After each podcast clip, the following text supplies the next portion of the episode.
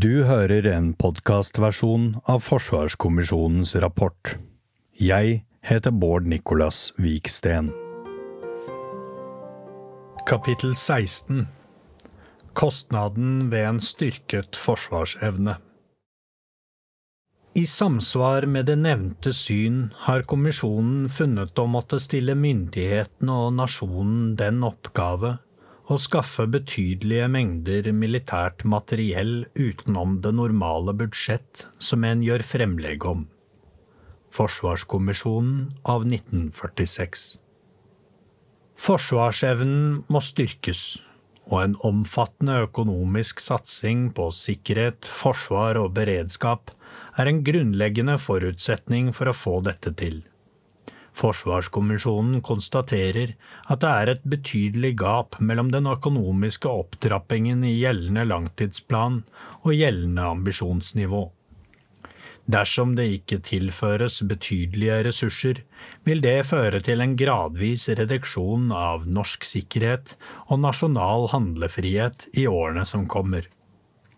Gjeldende ambisjonsnivå er heller ikke tilstrekkelig for å bygge opp den forsvarsevnen som er nødvendig for å møte sikkerhetsutfordringene de neste årene. Forsvarskommisjonen anbefaler derfor en kraftig styrking av forsvarsevnen i form av tre løft. Disse må starte samtidig og gjennomføres i sin helhet for å gi ønsket effekt kritiske tiltak for å styrke Forsvarets egenevne, en nasjonal maritim satsing og en helhetlig styrking av forsvarsevnen. For å møte kostnadene ved dette ambisjonsnivået anbefaler Forsvarskommisjonen at regjeringen søker en politisk avtale om en økonomisk opptrappingsplan i tre deler. En permanent styrking av forsvarsbudsjettet, ekstrabevilgning i form av avsetninger og et tillegg til den permanente økningen av forsvarsbudsjettet for å dekke økte driftsutgifter på lang sikt. Hensikten med dette kapittelet er å kostnadsberegne og prioritere behovet for den samlede styrkingen av forsvarsevnen som beskrevet i kapitlene 12, 13 og 14. Først blir nullalternativet, gjeldende økonomiske plan, vurdert opp mot kommisjonens anbefalte ambisjon i kapittel 12. Deretter prioriteres, kategoriseres og kostnadsberegnes ambisjonsnivået som kommisjonen anbefaler. Så blir Norges økonomiske muligheter for å finansiere det økonomiske løftet diskutert. Kapitlet avsluttes med kommisjonens anbefaling om at regjeringen så snart som mulig bør søke en bredt forankret politisk avtale som kan sikre en omfattende og stabil styrking av Norges forsvarsevne over tid. Forsvarskommisjonen har fått støtte fra Forsvarets forskningsinstitutt, Forsvarsdepartementet og Nato for å gjennomføre kostnadsberegninger. Tallgrunnlaget er anslag basert på tilgjengelige vurderinger per mars 2023. Kommisjonens fremstilling er derfor på et overordnet nivå og peker på eksempler og utviklingsmuligheter som svarer til det anbefalte ambisjonsnivået. Det er verken hensiktsmessig eller kommisjonens oppdrag å fremme anbefalinger om en komplett og detaljert forsvarsstruktur. Forsvarssjefens fagmilitære råd har fått dette i oppdrag. Forsvarskommisjonen har ikke gjennomført en fullstendig samfunnsøkonomisk analyse i tråd med utredningsinstruksen. Til det har informasjonsgrunnlaget vært for begrenset og tiden til rådighet vært for knapp. Det er de politiske og strategiske vurderingene og hensyn som tillegges vekt, og som kommisjonen har forutsetninger for å bidra med. Forsvarskommisjonen foreslår et økonomisk løft for forsvarssektoren, men vil understreke at full effekt av et slikt løft først er mulig når sikkerhet og beredskap også kommer høyere opp på dagsordenen i andre samfunnssektorer. Totalberedskapskommisjonen vil bidra til å drøfte dette på tvers av andre relevante sektorer. Et videreført økonomisk ambisjonsnivå. Gjeldende ambisjonsnivå som utgangspunkt. Enhver videreutvikling av forsvarsevnen må ta utgangspunkt i det vi har. Langsiktig utvikling av et forsvar med tilstrekkelig operativ evne krever en kombinasjon av forutsigbarhet og fleksibilitet. Det betyr ikke at alt skal ta lang tid, eller at alle vedtatte planer alltid vil og må gjennomføres som forutsatt. Det er nødvendig med fleksibilitet, pragmatisme og anerkjennelse av det utgangspunktet man har. Forsvarskommisjonen er i mandatet bedt om å gi overordnede vurderinger av muligheter og utfordringer ulike veivalg kan gi, samt ta høyde for realistiske økonomiske rammevilkår. Kommisjonen skal vurdere økonomiske, organisatoriske og andre vesentlige konsekvenser av sine forslag. Minst ett alternativ skal kunne realiseres innenfor de økonomiske rammene i langtidsplanen.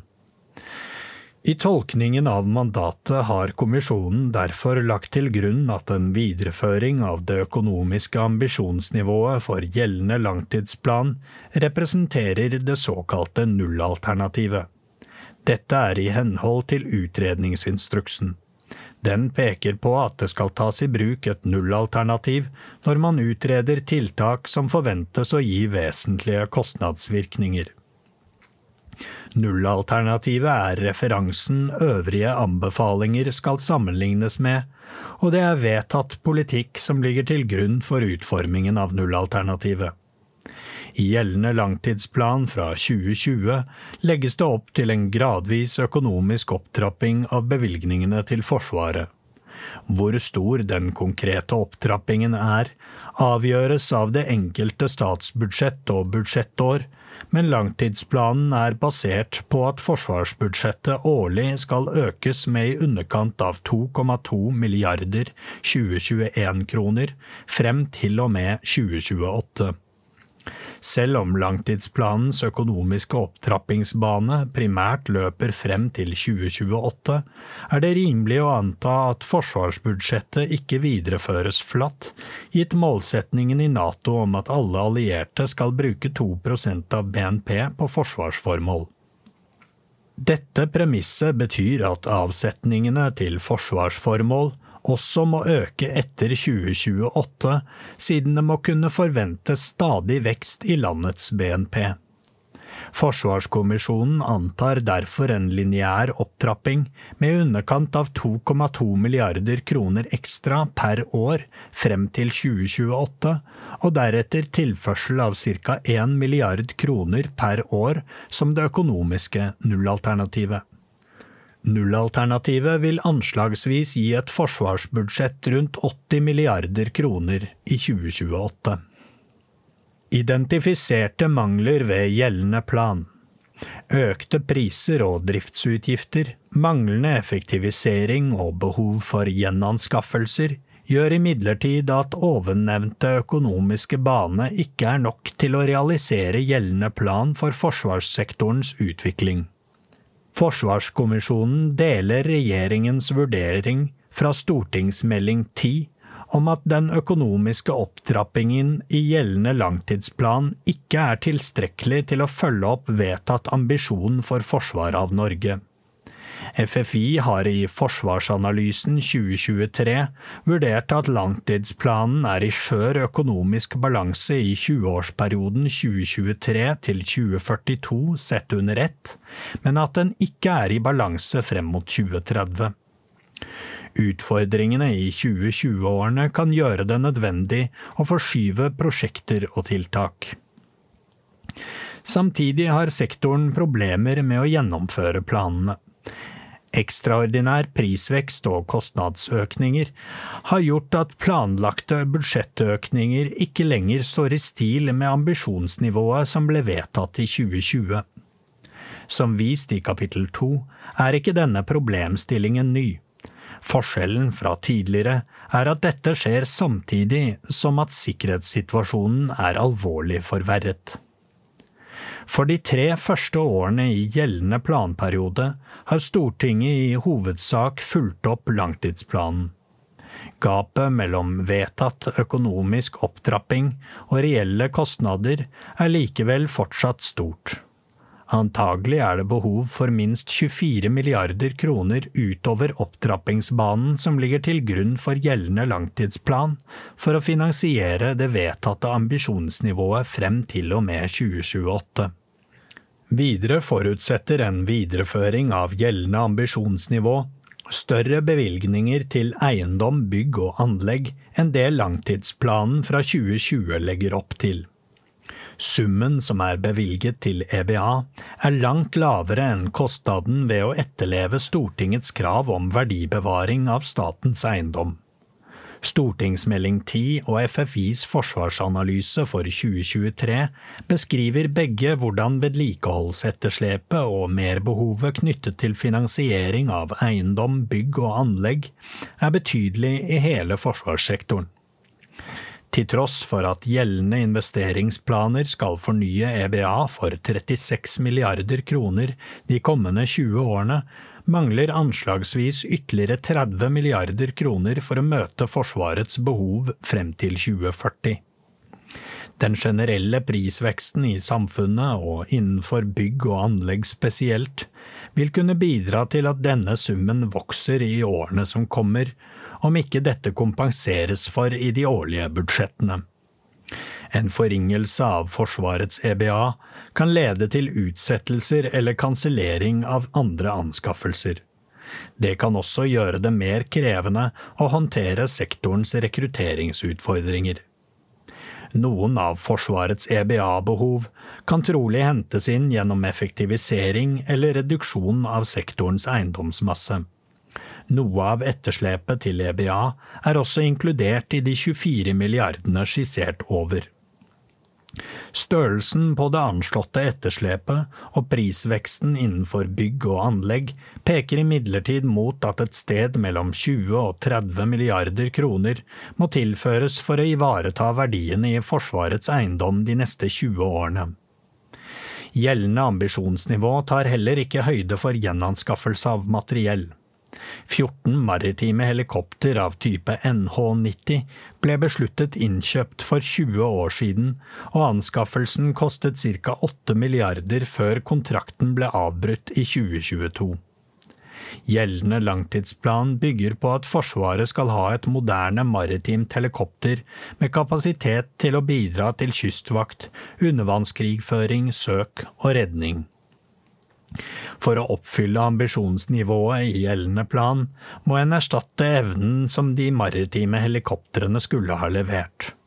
Regjeringen besluttet i mars 2023 å gå til hurtiganskaffelse av seks Seahawk maritime helikoptre til Kystvakten med en kostnadsramme på 12 milliarder kroner.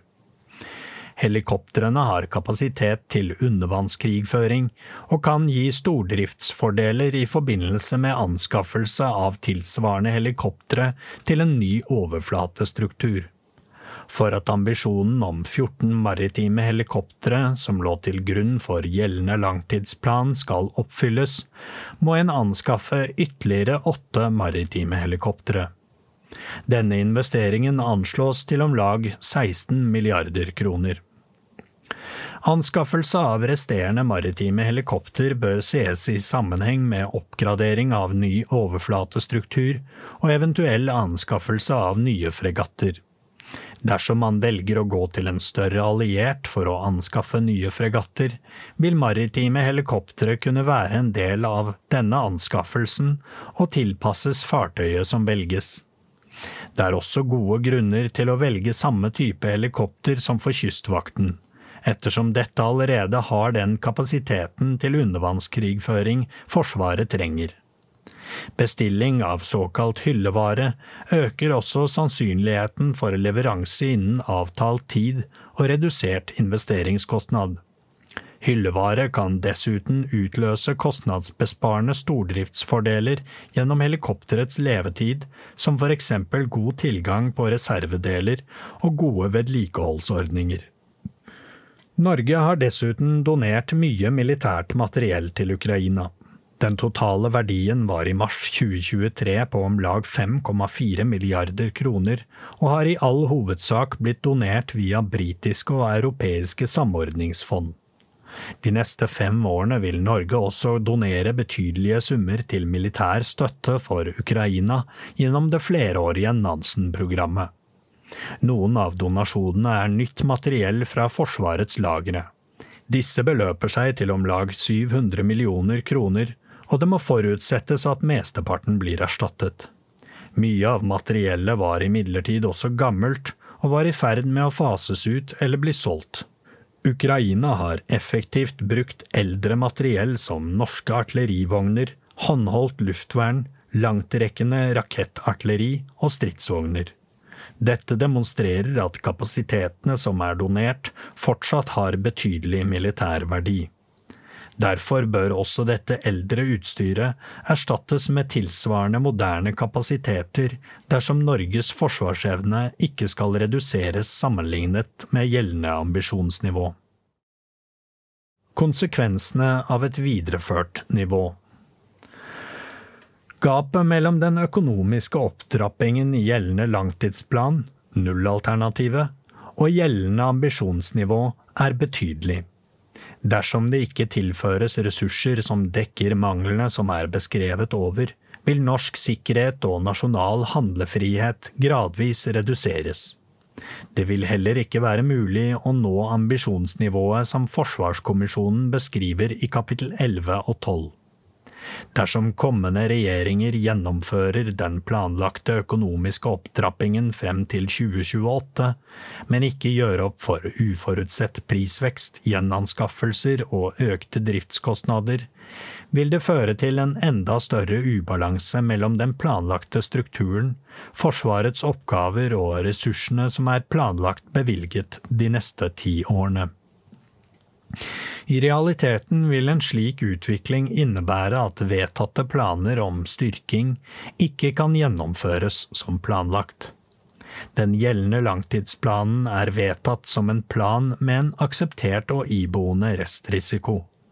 Dersom deler av dette ikke blir finansiert, vil det medføre ytterligere redusert egenevne i Forsvaret.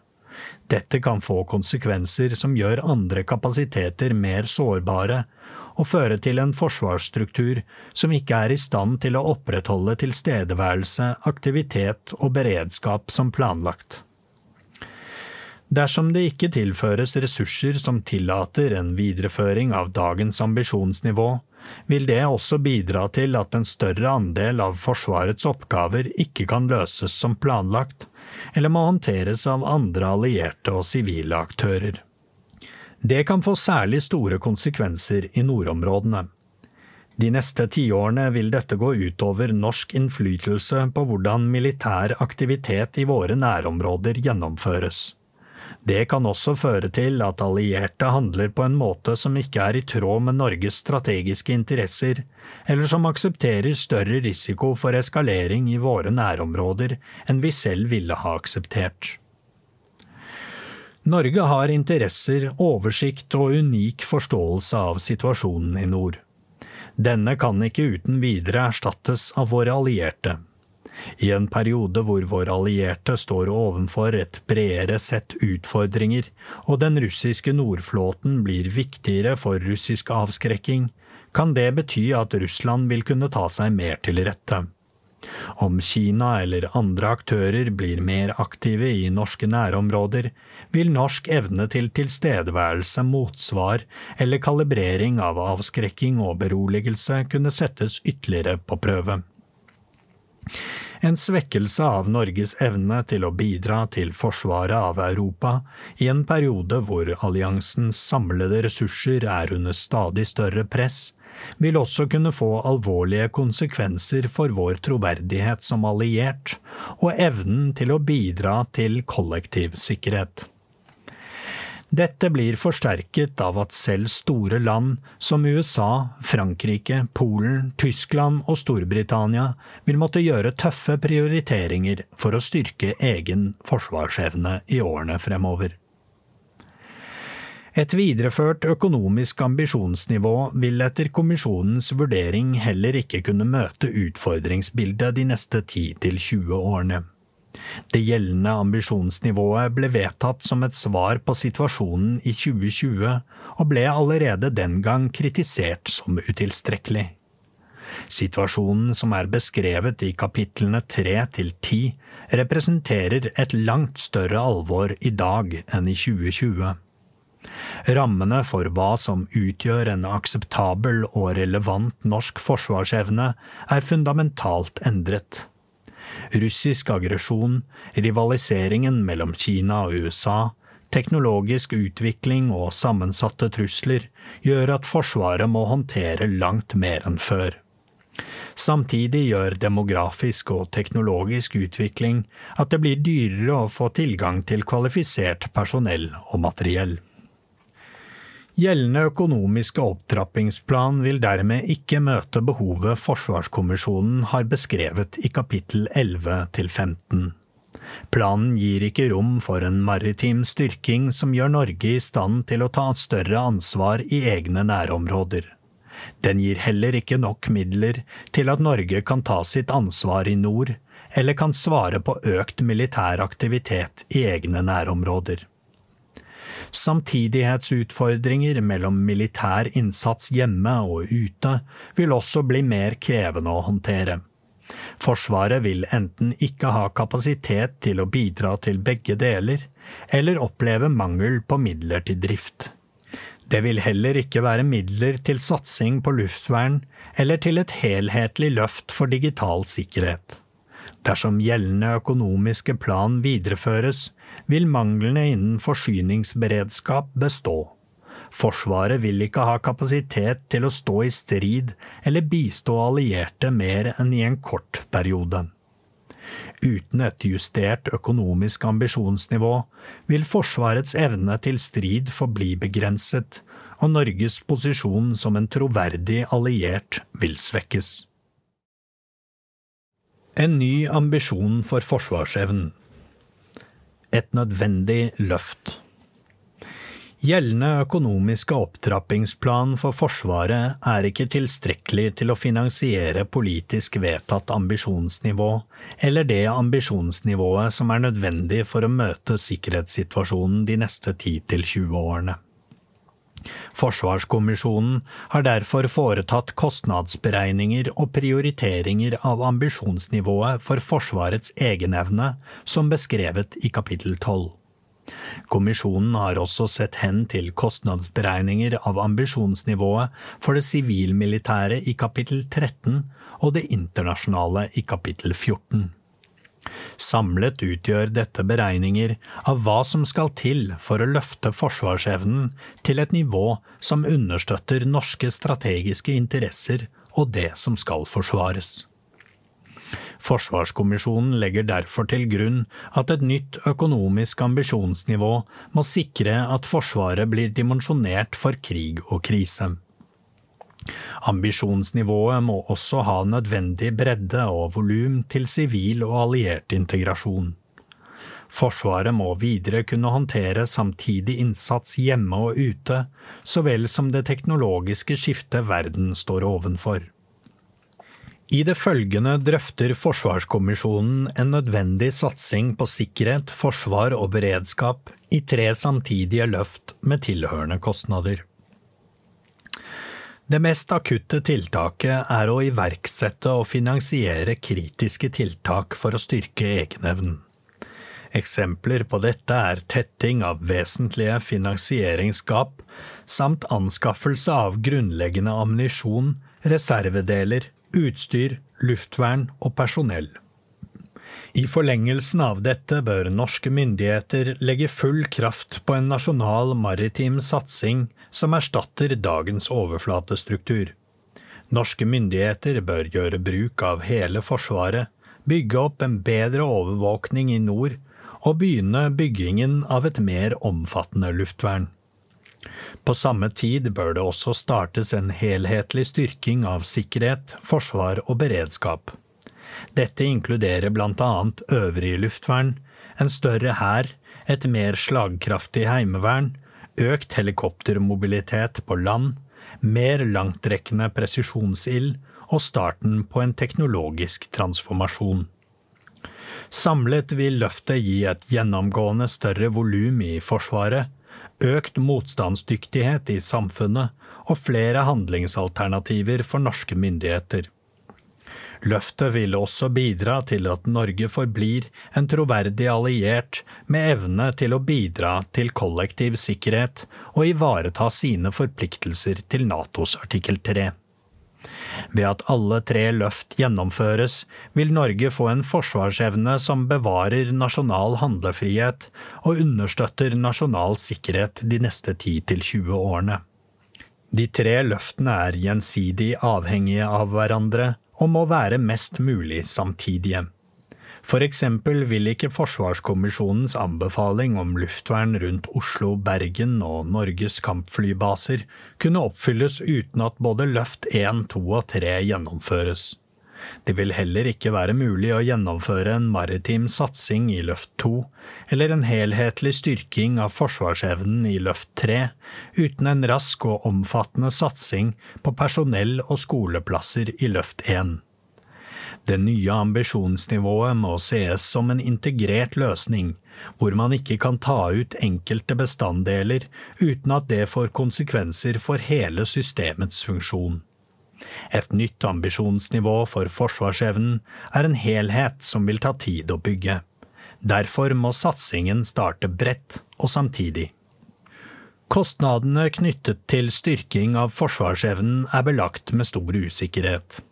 Dette gjelder spesielt i en tid med høy prisvekst og hvor mange av kostnadene som er beskrevet, vil bli gjenstand for endringer frem til eventuelle beslutninger blir fattet. Forsvarskommisjonen har likevel valgt å gi noen overslag på hva et omfattende løft for sikkerhet, forsvar og beredskap vil kunne koste, og hvilke prioriteringer som må til. Nedenfor fremmer vi derfor noen tiltak vi mener er i tråd med ambisjonen for en styrket forsvarsevne. Det er først og fremst en styrking av evnene som er Forsvarskommisjonens hovedanliggende. For å komme frem til konkrete kostnadsanslag har kommisjonen likevel måttet vurdere spesifikke systemer og plattformer. Alle beregninger er overslag oppgitt i forsvarsindekserte 2022-kroner. Løft 1 Kritiske tiltak for å styrke egenevnen. Forsvaret må innrettes for et høyere operasjonstempo med reell risiko for å komme i kamp. Identifiserte gap og sårbarheter må reduseres med strakstiltak og økt beskyttelse av en rekke områder. Kostnaden med et slikt løft over en tiårsperiode ligger anslagsvis i underkant av 140 milliarder kroner. Under følger noen eksempler på tiltak som er kostnadsberegnet som del av Løft 1. Oversikten er ikke uttømmende, og kostnadene som er beskrevet vil variere ut fra prisutviklingen eller hvilken konkret løsning som velges. Tiltakene bygger på ambisjonsnivået for Forsvarets egenevne, styrking innen personell og kompetanse i kapittel 12 og styrking for alliert mottak i kapittel 13. Etterslep og vedlikehold Kritiske tiltak for å styrke egenevnen innebærer for det første at en dekker økte priser, driftsutgifter, kostnader til eiendom, bygg og anlegg, og gjenanskaffelsene som tidligere beskrevet. Det er usikkerhet knyttet til vedlikeholdsetterslep på eiendom, bygg og anlegg, men det er fortsatt en stadig økende utfordring innen dette området. Et slikt etterslep vil måtte vurderes helhetlig for å finne gode løsninger. Forsvarskommisjonen legger likevel til grunn at dette etterslepet er så omfattende at det må håndteres og tas høyde for i kostnadsberegningene. Det anslås at å dekke inn etterslep innen prisstigning, driftsutgifter og EBA vil ha en totalkostnad på anslagsvis 60 milliarder kroner. Øvrige aktuelle kritiske tiltak kan f.eks. være flere piloter og bedre tilgjengelighet på kampfly for et høyt aktivitetsnivå for F-35. Dette anslås å koste 5 milliarder kroner i engangsinvesteringer og ca. 700 millioner kroner i årlig drift. Landmaktens operative tilgjengelighet kan styrkes ved å øke vervingsgraden i Brigade Nord, og ved å innføre et nytt vedlikeholdskonsept som vil gi økt tilgjengelighet på materiell. Kostnaden anslås til ca. 2 milliarder kroner i investeringer og om lag 800 millioner kroner i drift per år. Alliert mottak Tilrettelegging for alliert mottak, forsterking og integrasjon i Norge blir bare viktigere og har over tid vært underfinansiert. Styrking av forsyningsberedskapen for mottak av allierte styrker og fly omfatter bl.a. tilgang på semipermanent infrastruktur og drivstoffanlegg. Dette bør være i fjell eller under bakken for best beskyttelse. Man kan også se for seg konsepter for drivstofforsyning på kjøl i samarbeid med sivile aktører. Kostnadene blir anslått til 16 milliarder kroner i investeringer, med under 50 millioner per år i driftskostnader. En slik kapasitet vil kunne komme sivile formål til gode når de ikke er i bruk av Forsvaret. Forsyningsberedskap og ammunisjon. Forsvaret har i dag kritisk lav forsyningsberedskap på flere områder. Tilgang på nødvendige våpen, ammunisjon og forsyninger er avgjørende for forsvarsevnen i krise og krig.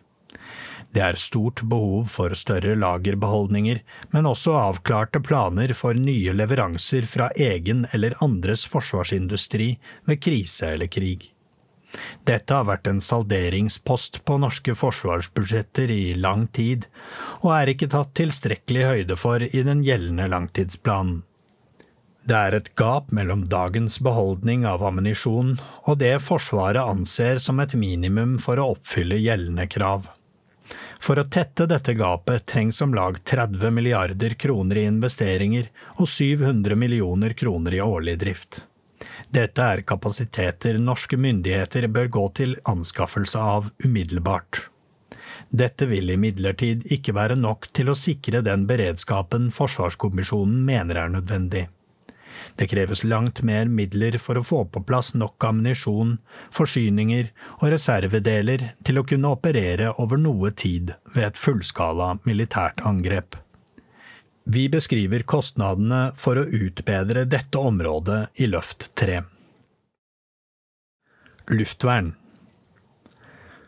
Forsvaret har begrenset luftvernkapasitet. Gjeldende kapasitet er primært innrettet for beskyttelse av kampflybaser. Det gjør at store deler av Norges befolkning, kritisk infrastruktur og strategisk viktige militære anlegg står ubeskyttet mot lufttrusler når de ikke har støtte fra allierte kapasiteter. En styrking av luftvern i Forsvaret er svært kostbart og vil ta tid. Forsvarskommisjonen mener like fullt at lufttrusselen er så alvorlig at norske myndigheter må ta tak i dette. Under kritiske tiltak bør en som et minimum fullfinansiere og fremskynde den planlagte oppgraderingen av den eksisterende NASAMS luftvernkapasiteten. Anslått kostnad er fem milliarder kroner utover allerede finansiert oppgradering. Øvrig luftvernsatsing kommer som en del av den maritime satsingen og det helhetlige løftet. Spredningskonsept for Norges kampflybaser bør det også vurderes å kombinere bedre beskyttelse av fly og kritisk støttestruktur ved hjelp av forsterkede bunkere og narremål. En bør intensivere igangsatte initiativer for spredningskonsept for militære fly i Norge.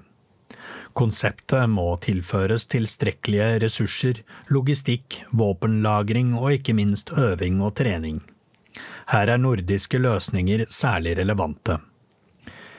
Sikker kommunikasjon. Forsvarets evne i krise og krig vil også bedres betraktelig ved å øke evnen til sikker kommunikasjon. Her er det påvist betydelige gap og mangler. Behovet for investeringer på dette området ligger på minst 5 milliarder kroner og ca. 200 millioner kroner i årlig drift. IKT-systemer Forsvarets IKT-systemer har lenge vært gjenstand for kritikk, og det er identifisert flere svakheter ved beskyttelsen av kritiske systemer som må utbedres umiddelbart. Forsvaret har heller ikke kompetansen til å gjøre dette på egen hånd, og det trengs langsiktige strategiske partnerskap for kontinuerlig utvikling. Tett samarbeid med næringslivet blir avgjørende. En IKT-satsing vil redusere Forsvarets sårbarheter og forbedre evnen til fellesoperasjoner og effektivisere driften av Forsvaret. Selv om anslagene varierer sterkt, anslås den totale kostnaden for å utbedre IKT til 30 milliarder kroner utover gjeldende investeringsplaner. Utdanningskapasitet En av de største utfordringene med en omfattende og umiddelbar satsing på forsvar, er å få på plass nok personell med rett kompetanse. Det er imidlertid fullt mulig, med godt lederskap, nok økonomisk fleksibilitet og nok pragmatisme i gjennomføringen. Det vil bli nødvendig med økt inntak på skoler og offisersutdanning, større klasser, tettere samarbeid om utdanning med andre allierte og samarbeid om mer utveksling av kompetanse med industri og næringsliv. Endringene i både løft 1, 2 og 3 vil gjøre en kraftig økning av antall personell i Forsvaret nødvendig noe som igjen krever en stor økning i kapasiteten ved Forsvarets egne skoler. Investeringskostnadene er anslått til 2 milliarder kroner, med årlige driftsutgifter på 400 millioner kroner.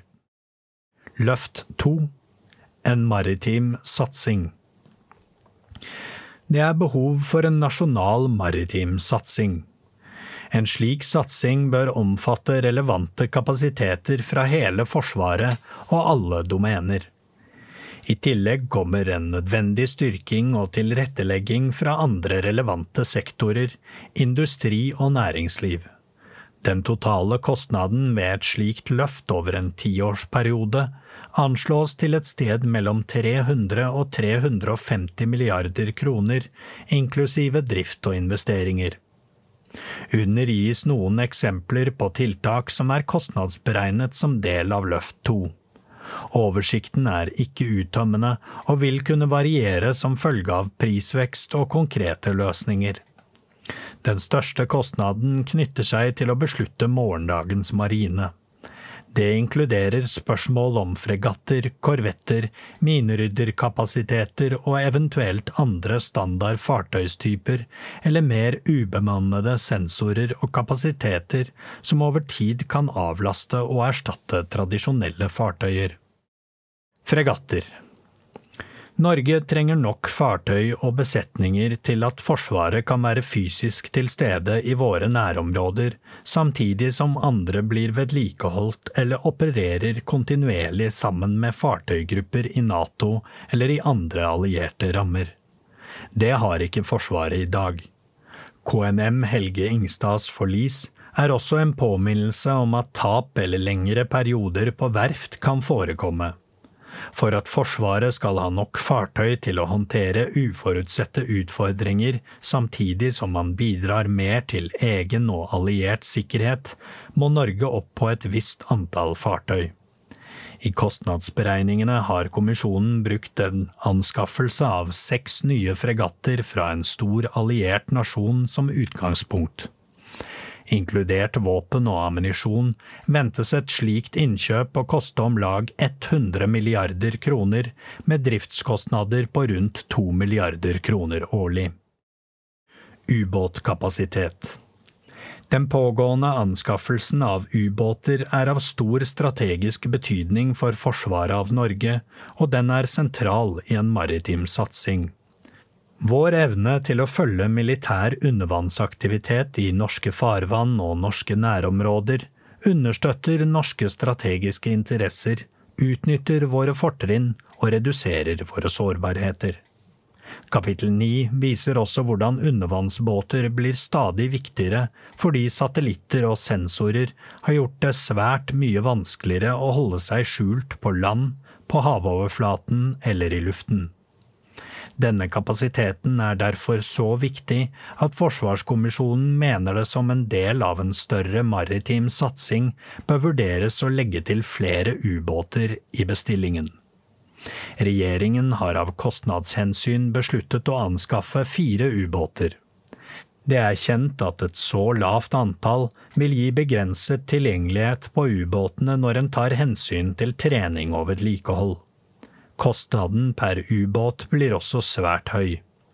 En tilleggsbestilling på to ekstra ubåter anslås til ca. 25 milliarder kroner, med ekstra driftskostnader på rundt 600 millioner kroner årlig. Standardfartøy Forsvaret må erstatte flere kystvaktfartøy og mineryddersystemer i årene som kommer. 40 nye standardfartøy til Sjøforsvaret anslås å koste om lag 51 milliarder kroner, med driftskostnader på om lag 2,5 milliarder kroner årlig. Man kan se for seg en fordeling av disse med om lag 25 fartøy til marinen og 15 fartøy til kystvakten.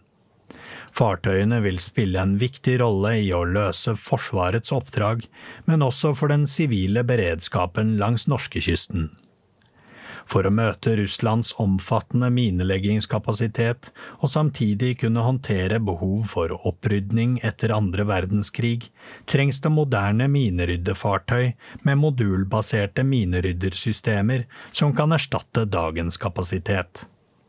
Disse fartøyene anslås til om lag 20 milliarder kroner i investeringskostnader og omtrent 900 millioner kroner i årlige driftskostnader.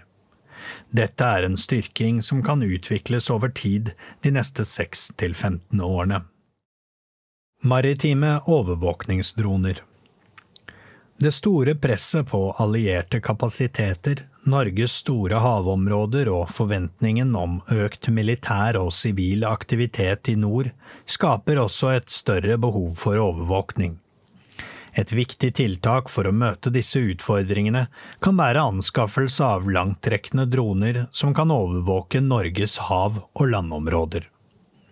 Denne typen overvåkningskapasitet kan frigjøre vesentlig kapasitet fra P8 maritime patruljefly, som er dyre i drift, få i antall og bør prioriteres for ubåtjakt. Langtrekkende droner gjør det mulig med mer kontinuerlig tilstedeværelse for overvåkning og informasjonsinnhenting, særlig i nord. En slik kapasitet kan avlaste annen norsk og alliert militær aktivitet, men vil også gi et svært viktig bidrag til den sivile beredskapen. Overvåkningsdroner kan fly langt og oppholde seg i et område over svært lang tid. Dette vil være et viktig bidrag til myndighetsutøvelse og sivil krisehåndtering i Arktis. Utvikling og anskaffelse av droner til overvåkning har vært vurdert tidligere. Satsingen har ikke kommet i gang av manglende teknologisk modenhet for kapasiteter som må kunne overleve i noen av de mest krevende operasjonsmiljøene i verden. En annen årsak har vært at det ikke har vært rom for å både satse på morgendagens teknologi og samtidig videreutvikle eksisterende overvåkningsplattformer i det kortere perspektivet. Flere av disse utfordringene kan nå løses, og Forsvaret vil kunne ha stor nytte av langtrekkende maritime droner som kan bidra til overvåkning av svært store områder både over vann og land. Kostnaden ved anskaffelse av en dronepakke bestående av høytflygende droner med svært lang flytid, maritim innretning og tilhørende støttestruktur anslås til om lag 11 milliarder kroner med driftskostnader på om lag 900 millioner per år. Luftvern over maritim hovedbase Forsvar mot ballistiske missiler og andre lufttrusler er krevende og troverdig lagdelt luftvern er svært kostbart. Dette gjør at det ikke lar seg gjøre å forsvare hele landet mot en missiltrussel. Forsvaret bør ha planer for å kunne forsvare norske kampflybaser, sentrale havner for alliert mottak, landets øverste myndigheter i Oslo, maritime baser og store befolkningssentra mot lufttrusler. Som del av en maritim satsing bør den maritime hovedbasen i Bergen prioriteres for lagdelt luftvern.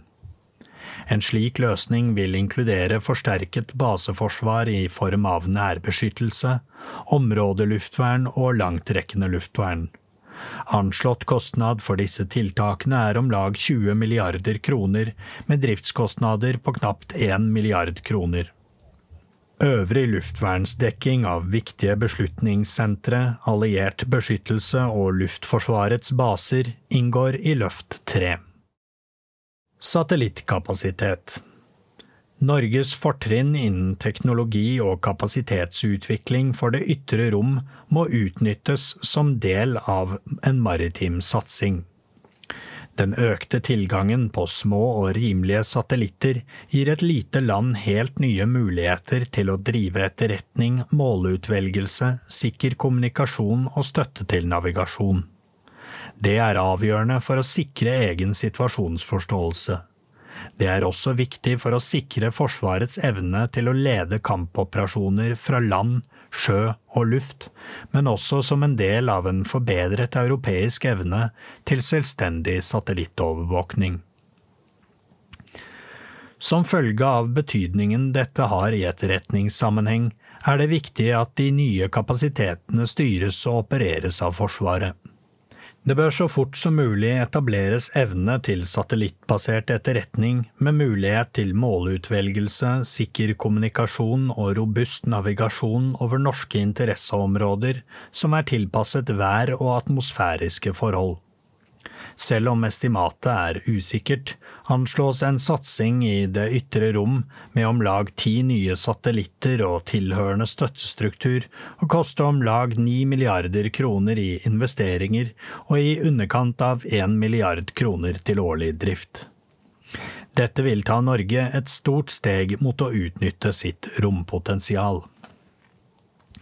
Vertslandsstøtte for å få på plass en troverdig maritim satsing vil det også være behov for å styrke kapasitetene til alliert mottak og fremføring av allierte styrker.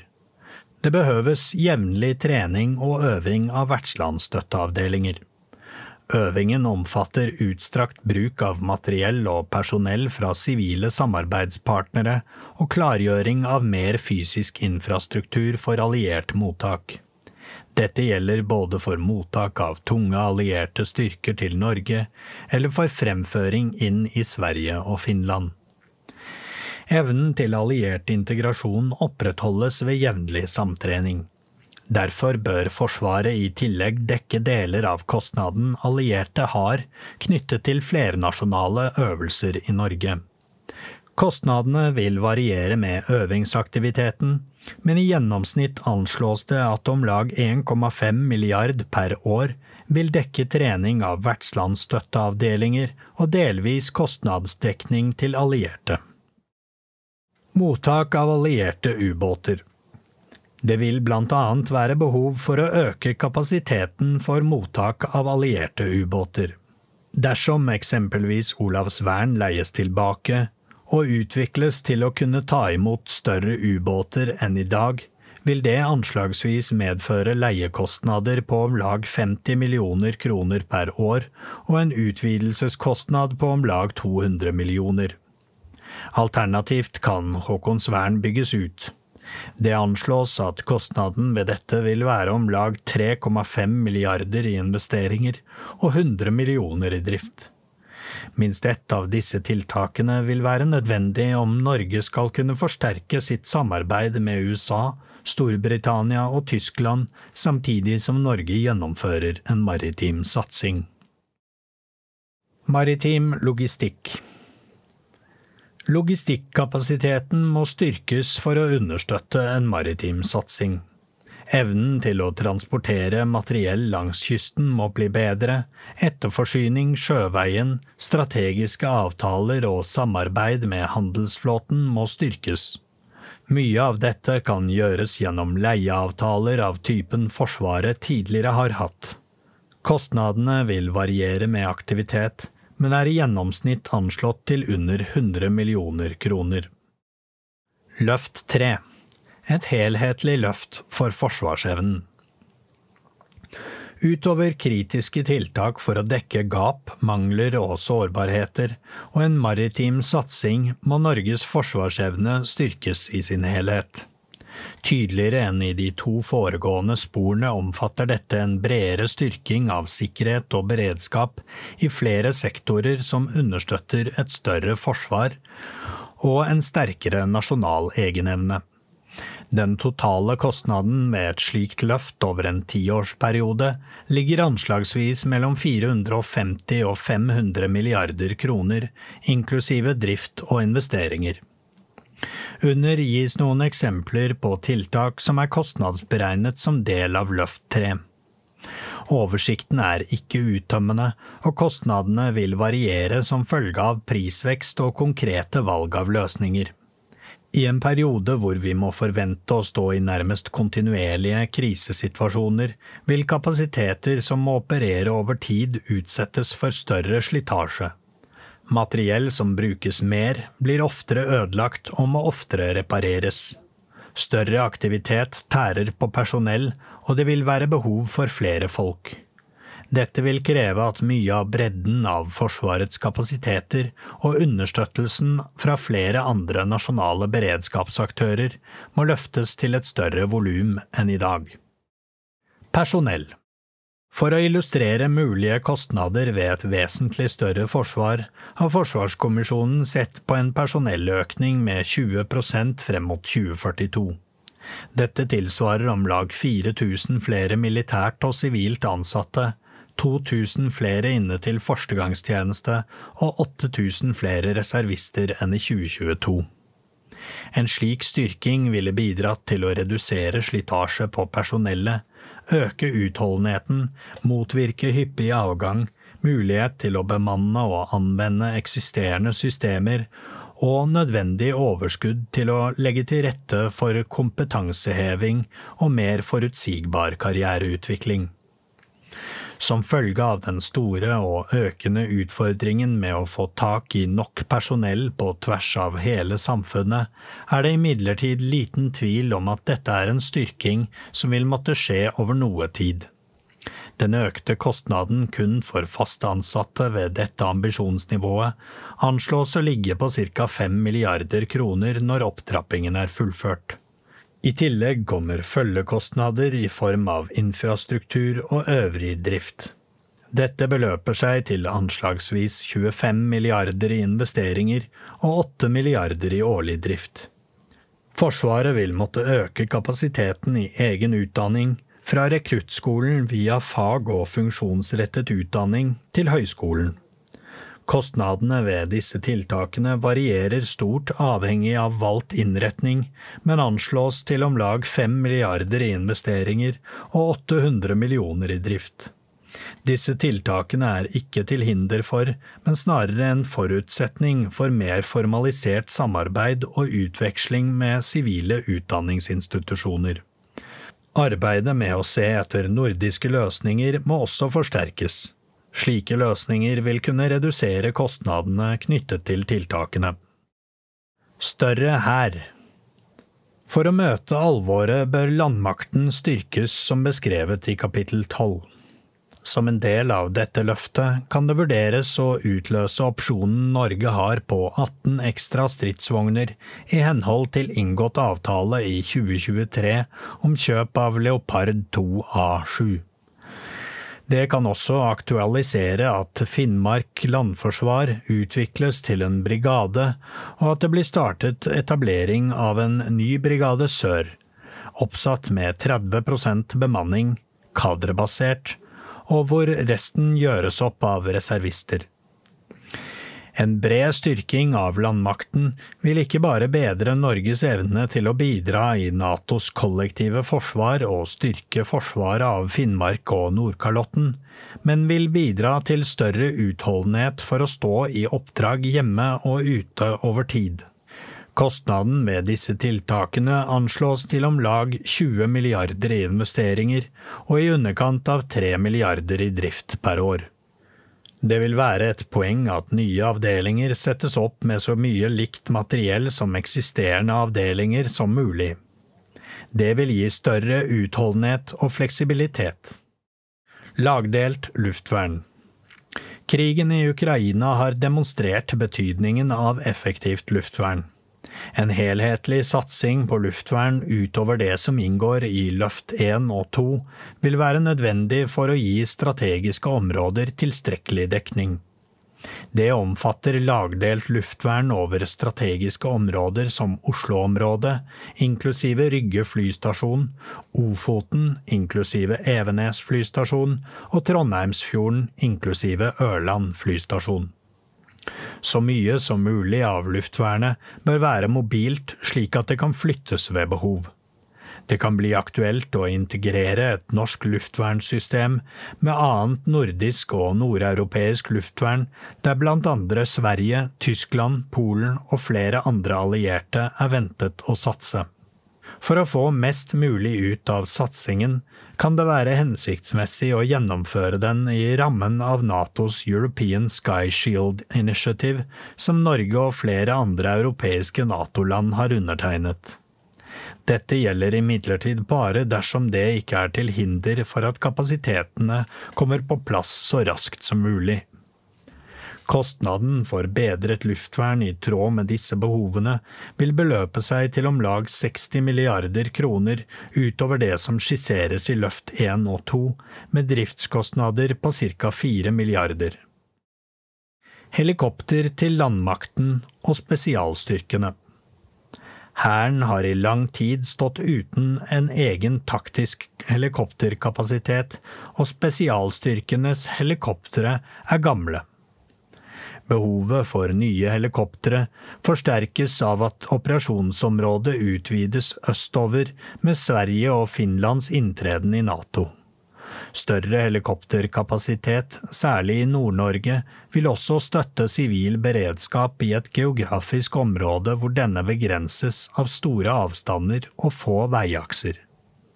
Helikoptersituasjonen kan bedres betydelig med om lag ni nye helikoptre til spesialstyrkene og om lag tolv til Hæren.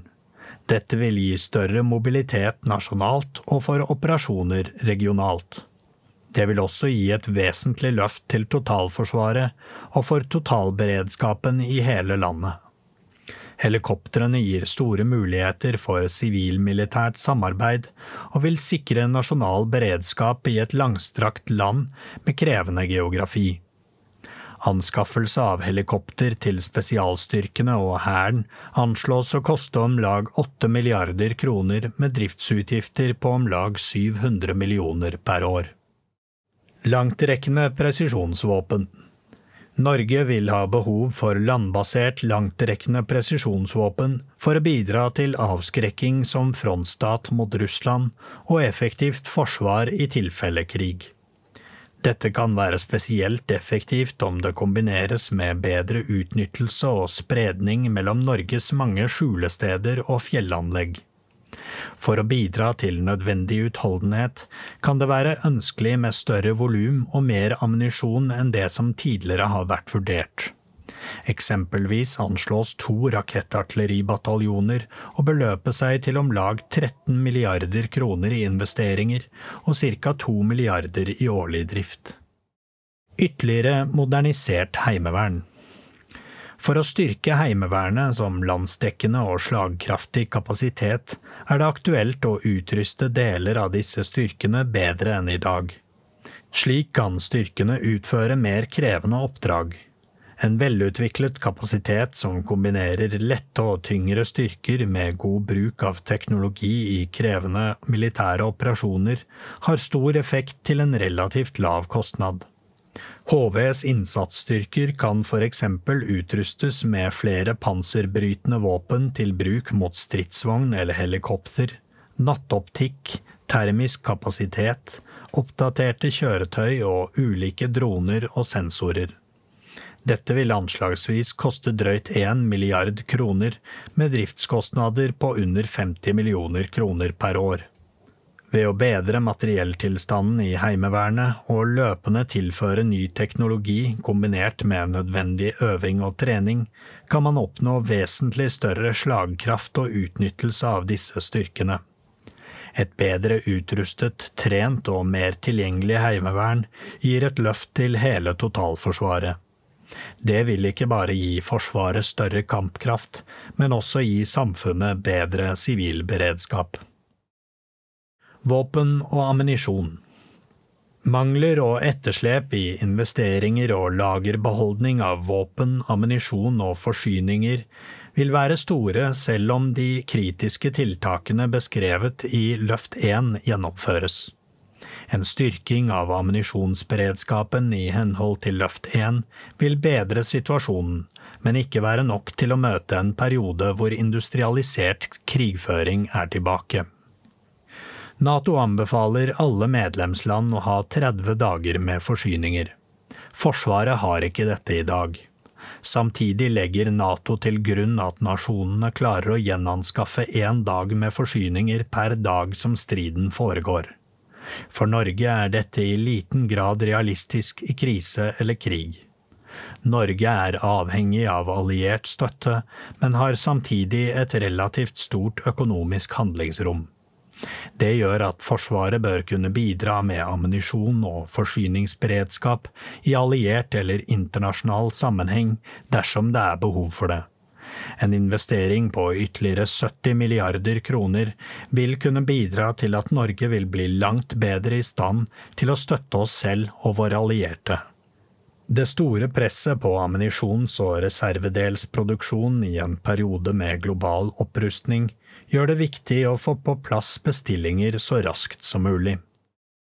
Nasjonal produksjonskapasitet Forsvarets mangler når det kommer til nødvendige våpen, ammunisjon og forsyningsberedskap, understreker også behovet for å styrke Norges nasjonale produksjon. Norsk forsvarsindustri har kompetanse og kapasitet som kan bidra til at Forsvaret kan anskaffe større mengder ammunisjon og reservedeler på kort varsel. Dette forutsetter imidlertid at regjeringen skaper rammebetingelser for at nødvendig produksjonskapasitet og reserver av kritiske råvarer opprettholdes til enhver tid. For at Norge skal ha evnen til å produsere ammunisjon og våpen i møte med krig i eget eller allierte land, bør det stilles ressurser til rådighet for å møte disse behovene. Det blir viktigere med tettere og mer kontinuerlig dialog med industri og næringsliv for å kartlegge muligheter og begrensninger. Militær produksjonskapasitet under nødvendig nasjonal kontroll er kritisk for norsk og alliert forsvarsevne i en periode hvor sentrale beredskapsbehov blir mer nasjonalisert. Det anslås koste om lag 15 milliarder kroner å styrke norsk ammunisjonsproduksjon og beredskap til et nivå tilpasset sikkerhetssituasjonen. En del av dette vil på sikt trolig kunne hentes inn i form av videresalg og beskatning.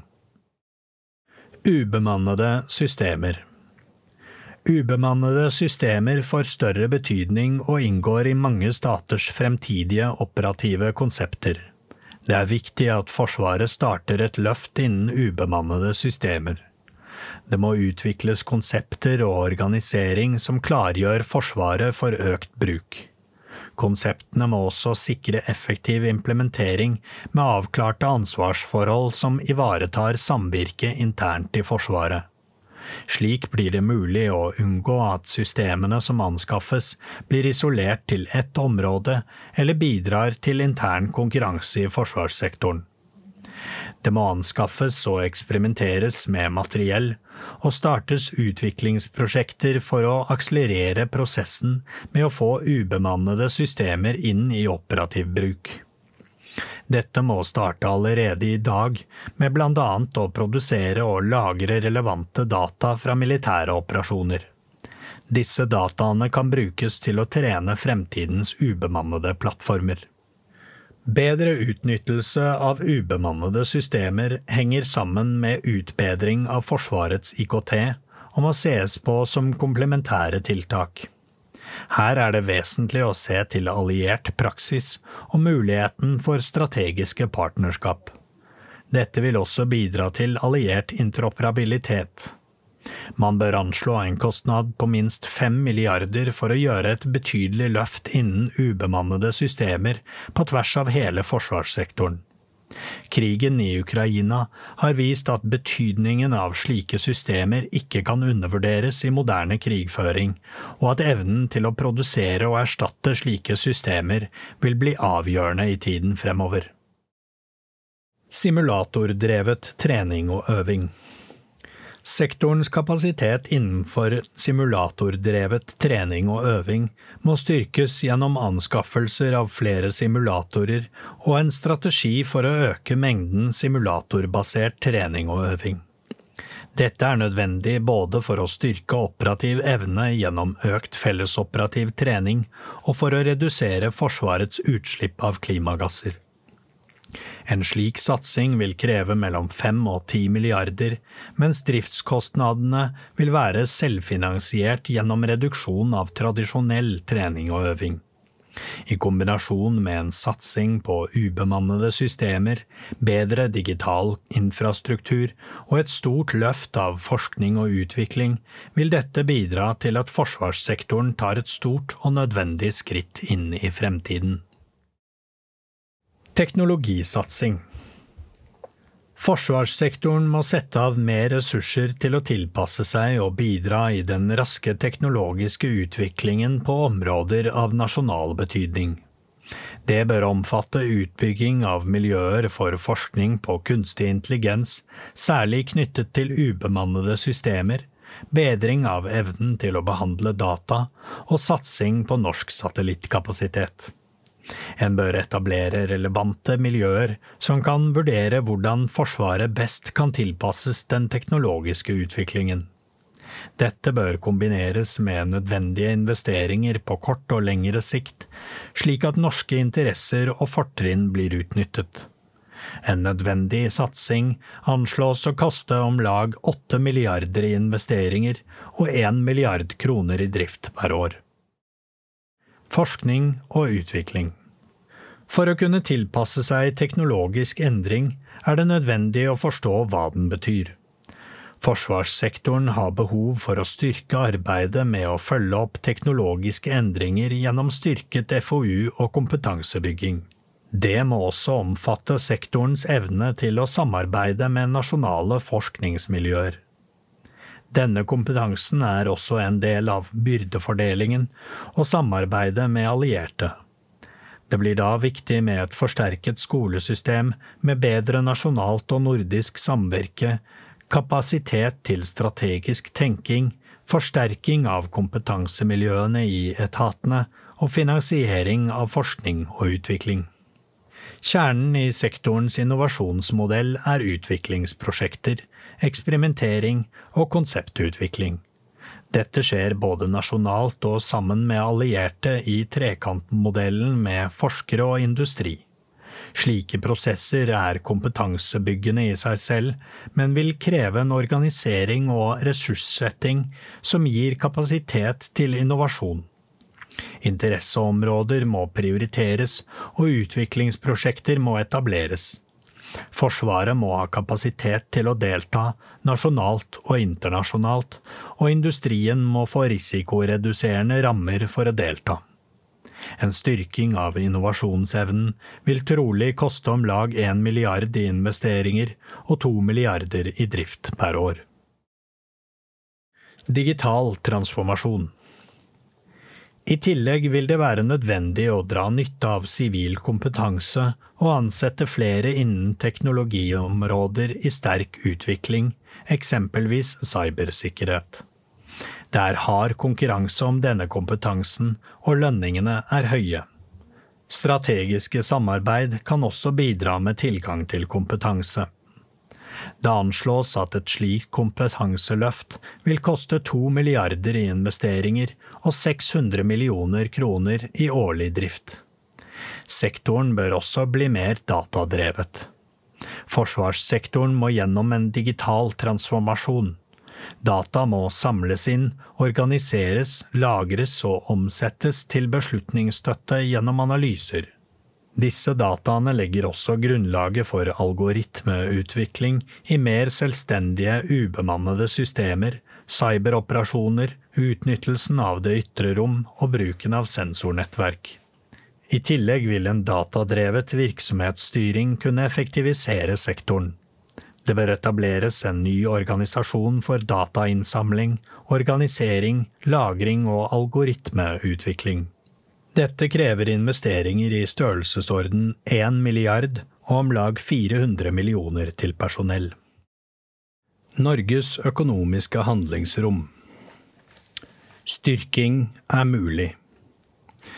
En formidabel omstilling må til for å løfte forsvarsevnen til et relevant nivå etter 30 år med omorganisering, nedbygging og kutt ikke bare for Forsvaret og forsvarssektoren, men for hele landet.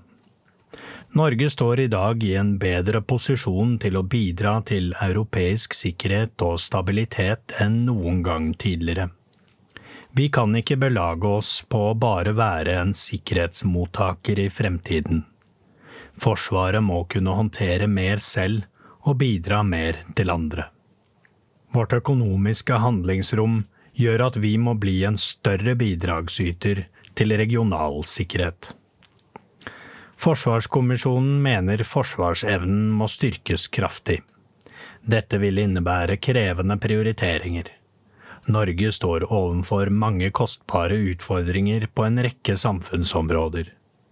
Noe må imidlertid prioriteres lavere for at norske myndigheter og forsvarssektoren skal kunne ivareta nasjonal sikkerhet på en tilfredsstillende måte. Alle samfunnsområder er avhengige av at den grunnleggende statssikkerheten er ivaretatt. Det er likevel liten tvil om at den norske stat har ressursene til å gjennomføre den nødvendige satsingen på sikkerhet, forsvar og beredskap. Norske statsbudsjetter er store nok til at en vesentlig satsing på forsvar og sikkerhet er mulig dersom man er villig til å gjøre de nødvendige prioriteringene. Norge har også en økonomisk reserve som er unik i verden, og vi er inne i en periode med ekstraordinære inntekter fra olje og gass. I denne delen beskrives det norske økonomiske handlingsrommet og mulighetene til å øke forsvarsbudsjettene til å møte det nivået Forsvarskommisjonen mener er nødvendig.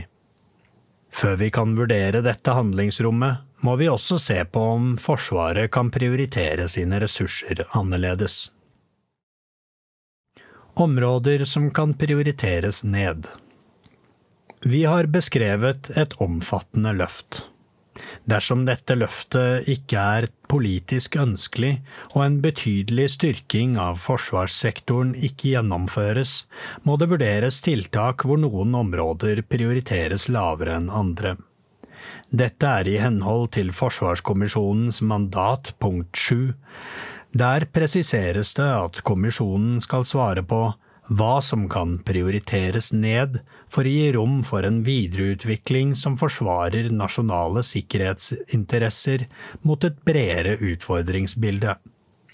Enhver plan for Forsvarets utvikling som ikke er dimensjonert for å møte utfordringene, vil ha konsekvenser for norsk sikkerhet. Forsvarets operative evne vil bli lavere, den politiske og militære risikoen vil øke, Norge må overlate mer av forsvaret til allierte, og vår troverdighet som alliert vil svekkes. Vurdering av prioriteringer Prioritering av ulike deler av forsvarsevnen i tid og rom er nødvendig uansett ambisjonsnivå. I det foregående har kommisjonen beskrevet ambisjonsnivået som vi mener er nødvendig. Enkelte evner og kapasiteter er satt foran andre, og noen er tatt ut. Det er verken mulig eller hensiktsmessig å få til alt samtidig. Det er imidlertid stor forskjell på å prioritere mellom evner og kapasiteter når det i utgangspunktet er rimelig ansvar mellom ambisjon og ressurser, og i de tilfeller det ikke er det. Status for norsk forsvarsevne er at det ikke er samsvar mellom ambisjon og ressurser. Nedprioriteringer i en slik situasjon er en egen øvelse. Det er altså allerede en ubalanse mellom ambisjon og ressurser. Da vil prioritering av evner og kapasiteter sjelden gi noen vesentlig bedring av operativ evne. Det blir snarere et valg om hvilke evner som skal skjermes for kutt. Mange i forsvarssektoren opplever at dette har vært normaltilstanden i mange år. Moderniserings- og effektiviseringsgevinsten har vært krevende å ta ut. Forsvarskommisjonen er like fullt i mandatet bedt om å vurdere hva som kan prioriteres ned for å gi rom for noe annet, under forutsetning av at nasjonale sikkerhetsinteresser kan forsvares. I lys av sikkerhetssituasjonen og tilstanden for vår forsvarsevne er en slik øvelse grunnleggende kunstig. Flere av våre nasjonale sikkerhetsinteresser er allerede under press. Inndekningen av allerede identifiserte mangler og sårbarheter, kombinert med prisvekst, vil om få år spise opp det lille handlingsrommet som ligger i den gjeldende budsjettbanen. Diskusjon om nedprioriteringer i en slik situasjon vil raskt dreie seg om ytterligere krav til effektivisering og nedskalering av kapasiteter, når det vi trenger er en diskusjon om en fundamental endring av Forsvarets rolle i forsvaret av Norge. Nedprioriteringer i dette perspektivet bør derfor først og fremst handle om å vurdere hvilke oppgaver Forsvaret ikke lenger kan forventes å løse, hva Forsvaret skal være i stand til, og hva som kan overlates til andre aktører. Utfordringen er at store deler av dagens forsvar er i aktiv bruk i det daglige. Fastsatte militære støtteoppgaver som myndighetsutøvelse, maritim overvåkning, grensevakt og ulike former for beredskap er oppgaver staten uansett må få løst. Andre militære oppdrag som vakthold og sikring, etterretningsvirksomhet, tilstedeværelse, operasjoner utenlands og suverenitetshevdelse på land, til sjøs og i luften, er vesentlige aktiviteter for å understøtte nasjonale sikkerhetsinteresser. Når regnestykket ikke går opp, prioriterer en gjerne ned anskaffelser som ikke har kommet så langt i prosessen. Da blir det ikke lenger penger å spare på å nedskalere eller å redusere beredskapsbeholdning og støttetjenester som skal gi Forsvaret utholdenhet over tid.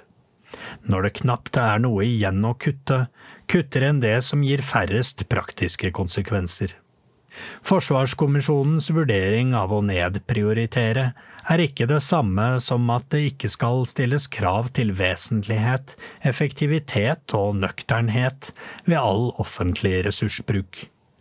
Det er uaktuelt å fremme en anbefaling om et omfattende økonomisk løft for forsvarsevnen uten at det samtidig blir stilt tøffe, kontinuerlige krav til effektiv og ansvarlig ressursbruk, som beskrevet i kapittel 15. I en tid der Forsvaret skal vokse, blir styring og ledelse avgjørende. Forsvarskommisjonen har likevel identifisert noen eksempler på mer konkrete nedprioriteringer. Disse kuttene vil neppe gi rom for reell styrking på andre områder. De vil også kunne redusere Forsvarets evne til å understøtte nasjonale sikkerhetsinteresser. Nedprioritering basert på dimensjonerende prinsipper. Forsvarskommisjonen fastslår i kapittel 12 at forsvarsevnen i større grad må tilpasses krise og krig. Forsvaret må ha økt utholdenhet og volum, styrket maritim profil og større teknologisk modenhet for å verne om norsk sikkerhet. Med disse dimensjonerende prinsippene til grunn er det mulig å peke på noen områder som kan kuttes, nedjusteres og prioriteres lavere. Store deler av Forsvaret er allerede nå så redusert i volum og omfang at disse er på et kritisk lavt nivå. Ytterligere kutt vil i realiteten gjøre det umulig å opprettholde kompetanse på ulike kapasiteter over tid. Man vil heller ikke kunne bidra i felles operasjoner på en måte som gir effekt. Reduksjon i Forsvarets bredde av kapasiteter blir dermed den reelle konsekvensen av ytterligere kutt. Det vil redusere Norges evne til innflytelse på egen sikkerhet. Forsvaret vil ikke være i stand til å gi like mange handlingsalternativer til norske myndigheter. Denne risikoen kan reduseres ved at Norge øker sin avhengighet av alliert støtte for å dekke opp for manglende kapasiteter. En kan eksempel ta ut hele kampsystemer eller strukturelementer som det ikke lenger vil være økonomisk mulig å holde seg med. Eksempler kan være fregatter, ubåter eller stridsvogner. Disse funksjonene kan overlates til store allierte land i de to første tilfellene, og til Sverige og Finland i det siste. En slik nedprioritering av egenevnen gjør at en må vurdere en mer permanent alliert tilstedeværelse på norsk jord, slik som Nato har i de baltiske land. Norge må også vurdere et økt alliert aktivitetsnivå i våre nærområder. Dette vil kunne gi muligheter for at Forsvaret rendyrker sin rolle som tilrettelegger for alliert mottak og forsterkning, med vekt på vertslandsstøtte og infrastruktur for allierte. Det er like full usikkert om store allierte er villige til å ta over mer av Norges sikkerhetsbehov, gitt det økte presset på allierte ressurser og Norges økonomiske handlingsrom. Dersom Forsvaret primært skal dimensjoneres for krise og krig og primæroppgavene, vil en måtte nedprioritere innsats i utenlandsoperasjoner. Med dette mener Forsvarskommisjonen internasjonal innsats i operasjoner utenfor det euroatlantiske området. Denne aktiviteten er allerede betydelig redusert sammenlignet med perioden frem til 2014, og den forventes å bli mindre omfattende i fremtiden. Dette innebærer at norske myndigheter må prioritere enda hardere hvilke oppdrag Forsvaret skal utføre. Forsvarskommisjonen mener vi bør prioritere oppdrag som har direkte betydning for norsk sikkerhet. Dette må baseres på en vurdering for muligheten for å gjøre en reell forskjell der vi kan samvirke med våre nærmeste allierte. Videre vil mindre bidrag til trening og opplæring av utenlandske styrker kunne gi verdifull støtte uten at det har store konsekvenser for nasjonal sikkerhet og beredskap. Det er imidlertid vanskelig å forestille seg at det vil være mulig å redusere norsk deltakelse i Natos stående styrker og støtte til kollektivt forsvar. En manglende vilje til å bidra fra norsk side kan redusere sjansen for at vi får den hjelpen vi vil trenge i krise og krig. En dimensjonering for krise og krig med redusert bredde og volum kan gjøre at Forsvaret trolig ikke kan støtte det sivile samfunnet slik det er lagt opp til i dag. Dermed må andre myndigheter overta eller gjøre mer av de oppgavene Forsvaret i dag utøver for sivile myndigheter. Dette vil bli en reversering av utviklingen de siste 30 årene. Det må da vurderes om ambisjonsnivået for Forsvarets myndighetsutøvelse på vegne av andre myndigheter, oppgave seks i dagens oppgavesett, må nedjusteres. I dag har vi eksempelvis en kystvakt som primært er dimensjonert for dette, i tillegg til å utøve suverenitetshevdelse. I Norge har vi valgt en unik og meget fleksibel modell for å få mest mulig ut av statens samlede ressurser, for å ivareta sikkerhet og norske interesser i våre kyst- og havområder.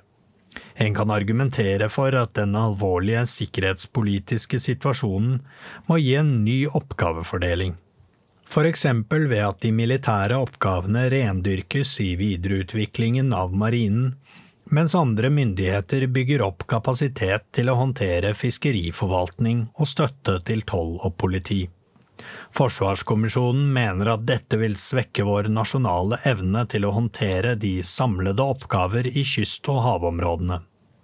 Dette gjelder særlig i en fremtid der klimaendringene vil gi villere vær og vår evne til å oppdage og kunne håndtere sammensatt virkemiddelbruk vil øke. Et gråmalt skip kan ha en avskrekkende effekt på aktører som vil oss vondt. Det gir oss mulighet til å håndtere hendelser på et lavere nivå og med mindre makt enn med ordinære krigsskip. Statens kostnader med å bygge opp evne til å overta de tradisjonelle kystvaktoppgavene vil også trolig overstige det vi i dag bruker på Kystvakten. Forsvarets avhengighet av sivil støtte vil fortsette å øke de neste 10–20 årene. En dimensjonering av Forsvaret for krise og krig, og med redusert volum, vil lede til at forsvarssektoren i større grad rendyrker det militære kjerneoppdraget. En vil i økende grad sette bort tjenester som ikke strengt tatt må løses av militære avdelinger. Denne rapporten har belyst betydningen av strategiske avtaler med næringslivet, og at Forsvaret må bli bedre på å utnytte kompetansen som finnes i andre sektorer. Forsvaret er avhengig av støtte fra sivil og privat sektor, ikke minst for forsyninger. Arbeidet med å planlegge og legge til rette for den sivile støtten til Forsvaret må fortsette. Kommisjonen mener det er betydelige muligheter for effektivisering og innsparing her. Det må samtidig være oppmerksomhet om mulige begrensninger i bortsetting av tjenester fra militære til sivile aktører. Omorganisering kommer med en kostnad. Nedleggelse av baser og avdelinger innebærer ofte store umiddelbare kostnader. Strukturarven legger begrensninger på handlingsrommet. På lengre sikt vil effektiviseringsgevinster bidra til å gjøre nedleggelser mer lønnsomme. I tillegg kommer de samfunnsmessige ringvirkningene for næringsliv, sysselsetting og bosetting. Derfor er diskusjoner om lokalisering grunnleggende politiske og har i alle år preget forsvarsdebatten og behandling av langtidsplaner på Stortinget. I stedet for å peke på spesifikke baser og avdelinger, vil Forsvarskommisjonen fremheve betydningen av å videreutvikle robuste fagmiljøer der hvor Forsvaret har sin kjerneaktivitet i dag. Konsentrasjon gir muligheter for å effektivisere stab- og støttefunksjoner. Det gir også større muligheter for å rekruttere og beholde personell som kan ha et karriereløp i én region. Dette vil kunne redusere behovet for pendling, gjøre Forsvarets boligpolitikk mer målrettet, og tilrettelegge for nærings- og kompetanseklynger mellom industri og forsvar. Til slutt vil dimensjonering for god utnyttelse av teknologi gi en føring for hvor man kan prioritere ned. Som Forsvarskommisjonen har belyst, ligger det et betydelig effektiviserings- og innsparingspotensial i å ta i bruk ny teknologi. Mange oppgaver som i dag utføres av mennesker, kan utføres mer effektivt av eksempelvis sensorer og droner. Forsvaret må få mer effekt ut av de plattformene det allerede har, ved å integrere ny teknologi. Teknologi som allerede er tilgjengelig på markedet, og som anvendes av andre allierte, må prioriteres i stedet for å utvikle skreddersydde løsninger. Forsvarsbudsjettet som statlig prioritering å hente inn Forsvarets ressursbehov gjennom kutt eller besparinger fremstår altså både urealistisk og utilstrekkelig. Midlene må komme ved hjelp av økt statlig prioritering over forsvarsbudsjettet. Dagens forsvarsbudsjett er på ca 76 milliarder kroner, men om lag bare 4,3% av statsbudsjettet. Mesteparten av statsbudsjettet går til folketrygden, som inkluderer annet pensjoner, sykepenger, dagpenger, foreldrepenger og enkelte helsestønader. Norge bruker også mer penger på vei- og transportprosjekter enn på forsvaret av Norge. Nasjonal transportplan estimeres til omkring 1200 milliarder kroner over de neste tolv årene, hvorav nesten 1100 milliarder er tenkt finansiert av staten. Andre store utgiftsområder er rammetilskudd til kommuner og fylkeskommuner, overføringer til regionale helseforetak og utgifter innen samferdselssektoren og utdanningssektoren. Der staten tidligere hadde forsvar av folk og land som sitt viktigste oppdrag, går brorparten av budsjettene i dag til statlig drift og velferd. For å finansiere et nødvendig løft må forsvaret av Norge prioriteres høyere enn i dag.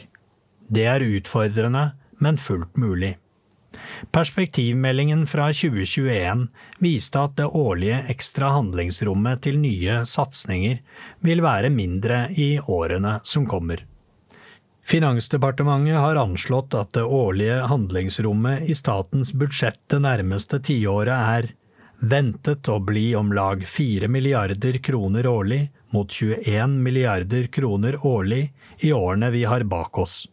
De nærmeste årene tilsvarer det årlige handlingsrommet det beløpet som skal til for å dekke demografiutgifter i kommuner og helseforetak.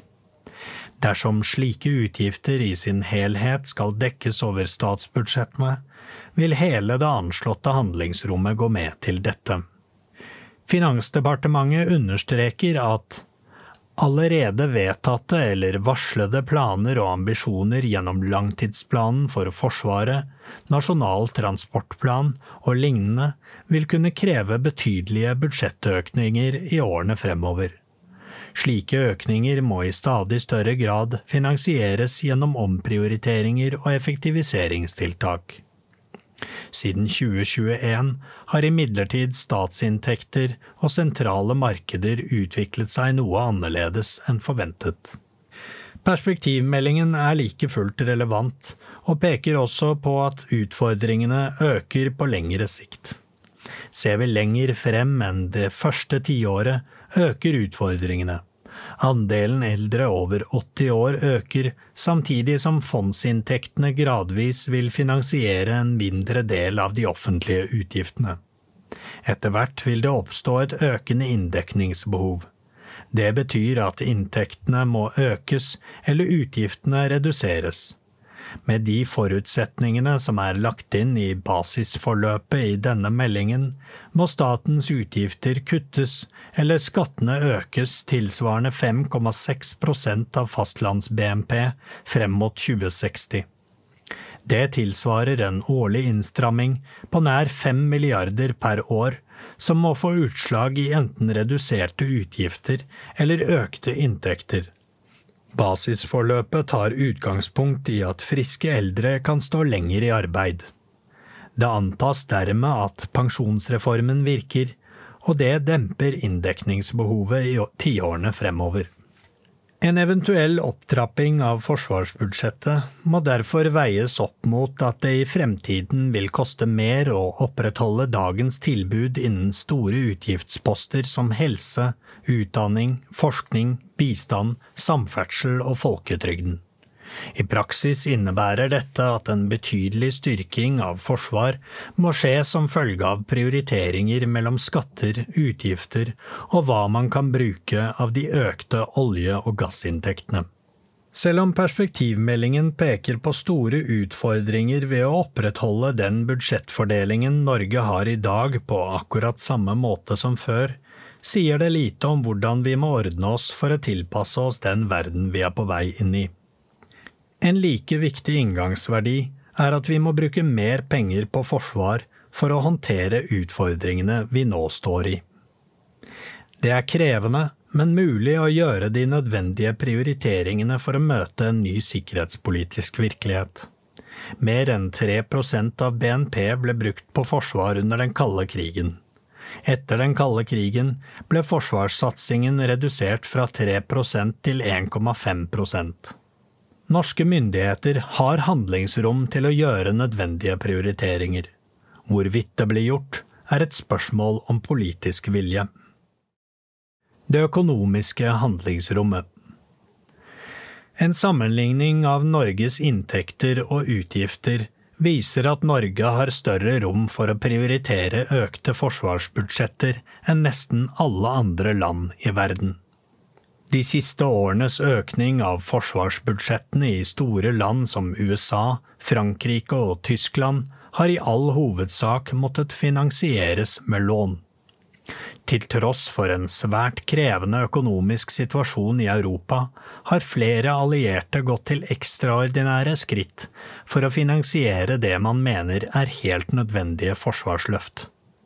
For å unngå et grunnlovsfestet gjeldstak opprettet Tyskland et forsvarsfond på ca. 1000 milliarder kroner for å kunne styrke eget forsvar. Pengene eksisterte ikke på bok, og man måtte gjennomføre en grunnlovsendring for å begynne gjenoppbyggingen av det tyske forsvaret. Frankrikes president har foreslått å øke forsvarsbudsjettet med rundt 40 til tross for at fransk statsgjeld i 2023 er større enn bruttonasjonalproduktet. Storbritannia opprettholder høye forsvarsbudsjetter, tross store økonomiske utfordringer og en statsgjeld som overgår landets samlede BNP. De amerikanske forsvarsbudsjettene fortsetter også å klatre, selv om statsgjelden nærmer seg rekordhøye 130% av BNP. I motsetning til alle andre allierte sitter Norge på store petroleumsinntekter og finansreserver. Oljefondet gir et økonomisk handlingsrom som ingen andre vestlige land har. Dertil kommer at forverringen av sikkerhetssituasjonen for Norges del har gitt store ekstraordinære inntekter. Bare i 2022 tjente den norske stat ca. 1316 milliarder kroner på olje og gass, som er anslagsvis 1000 milliarder kroner mer enn i et normalår. I 2023 forventes statens inntekter også å bli langt større enn normalt.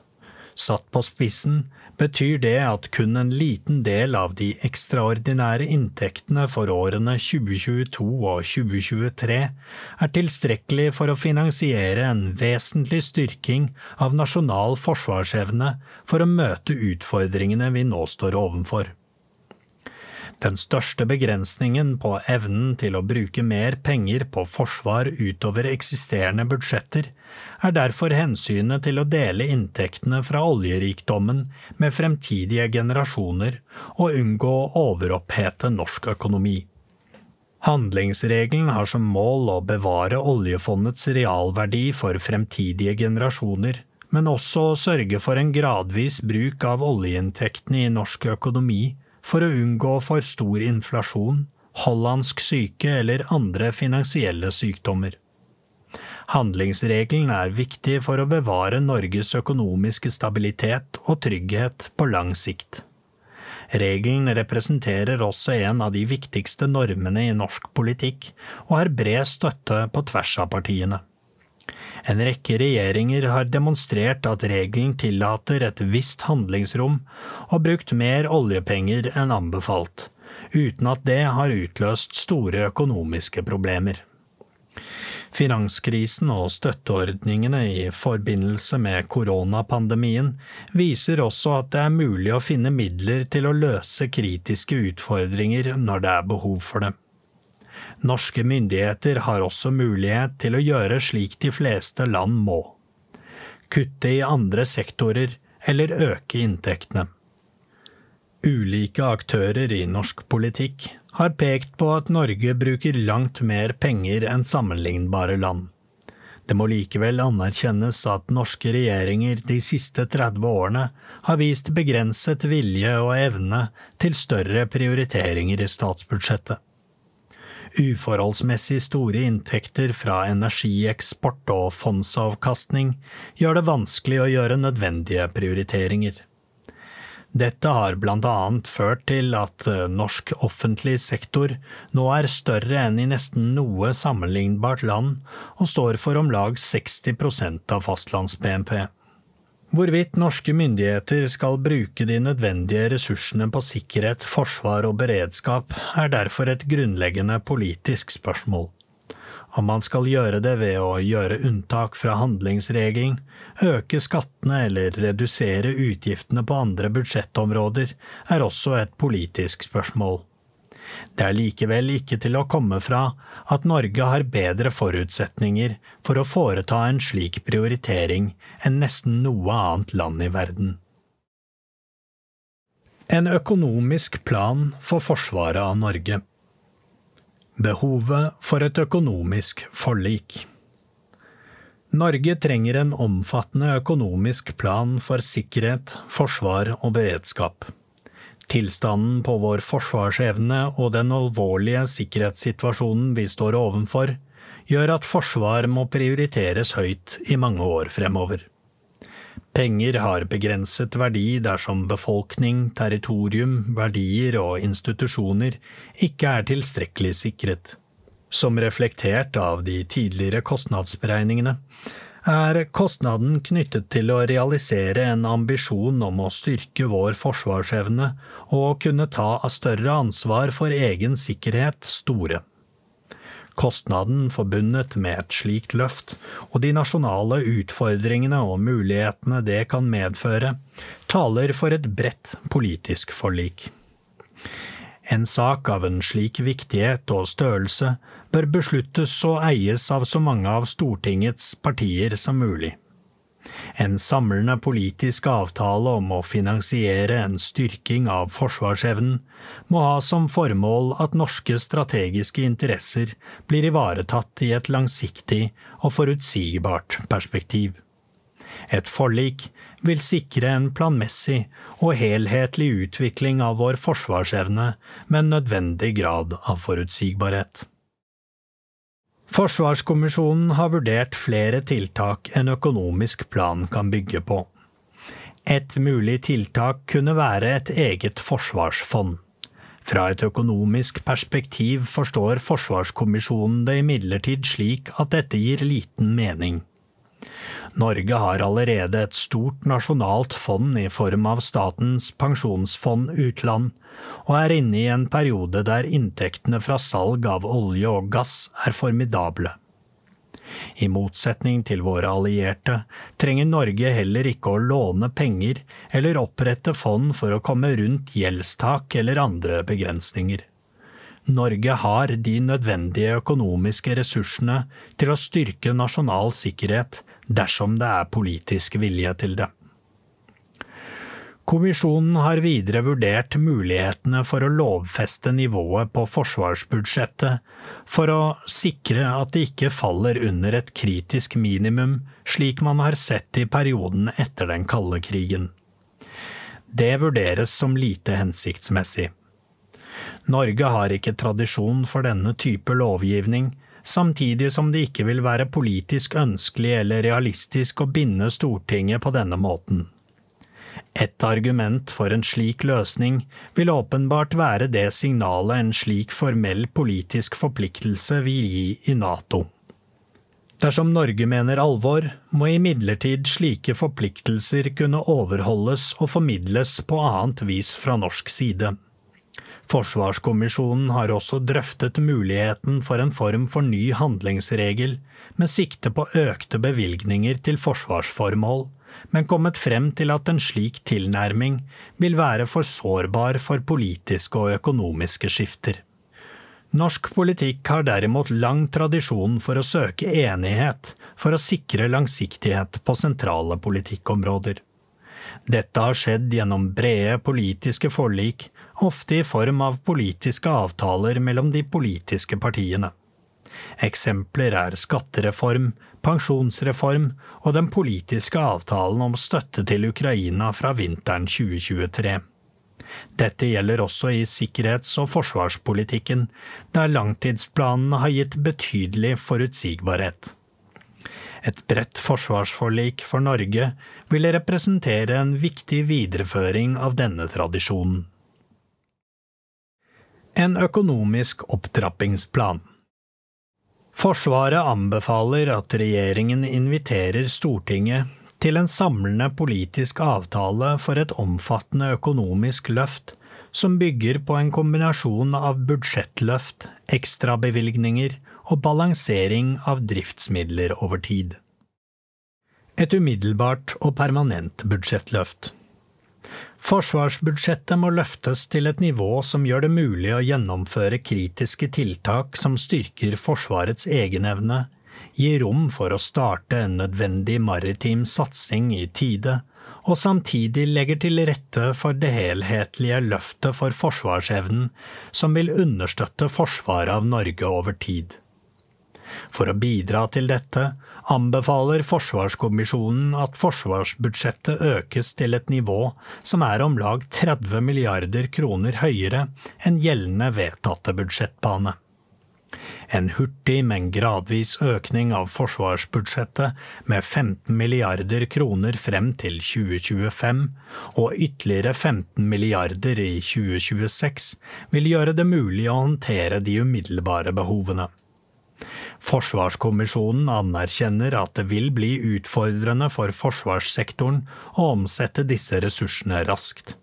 Kommisjonen mener like fullt at situasjonens alvor, og at Norge ikke innfrir NATO-målet om 2% av BNP til forsvarsformål, gjør at ytterligere forskyvning innebærer for stor risiko og en uakseptabel politisk kostnad.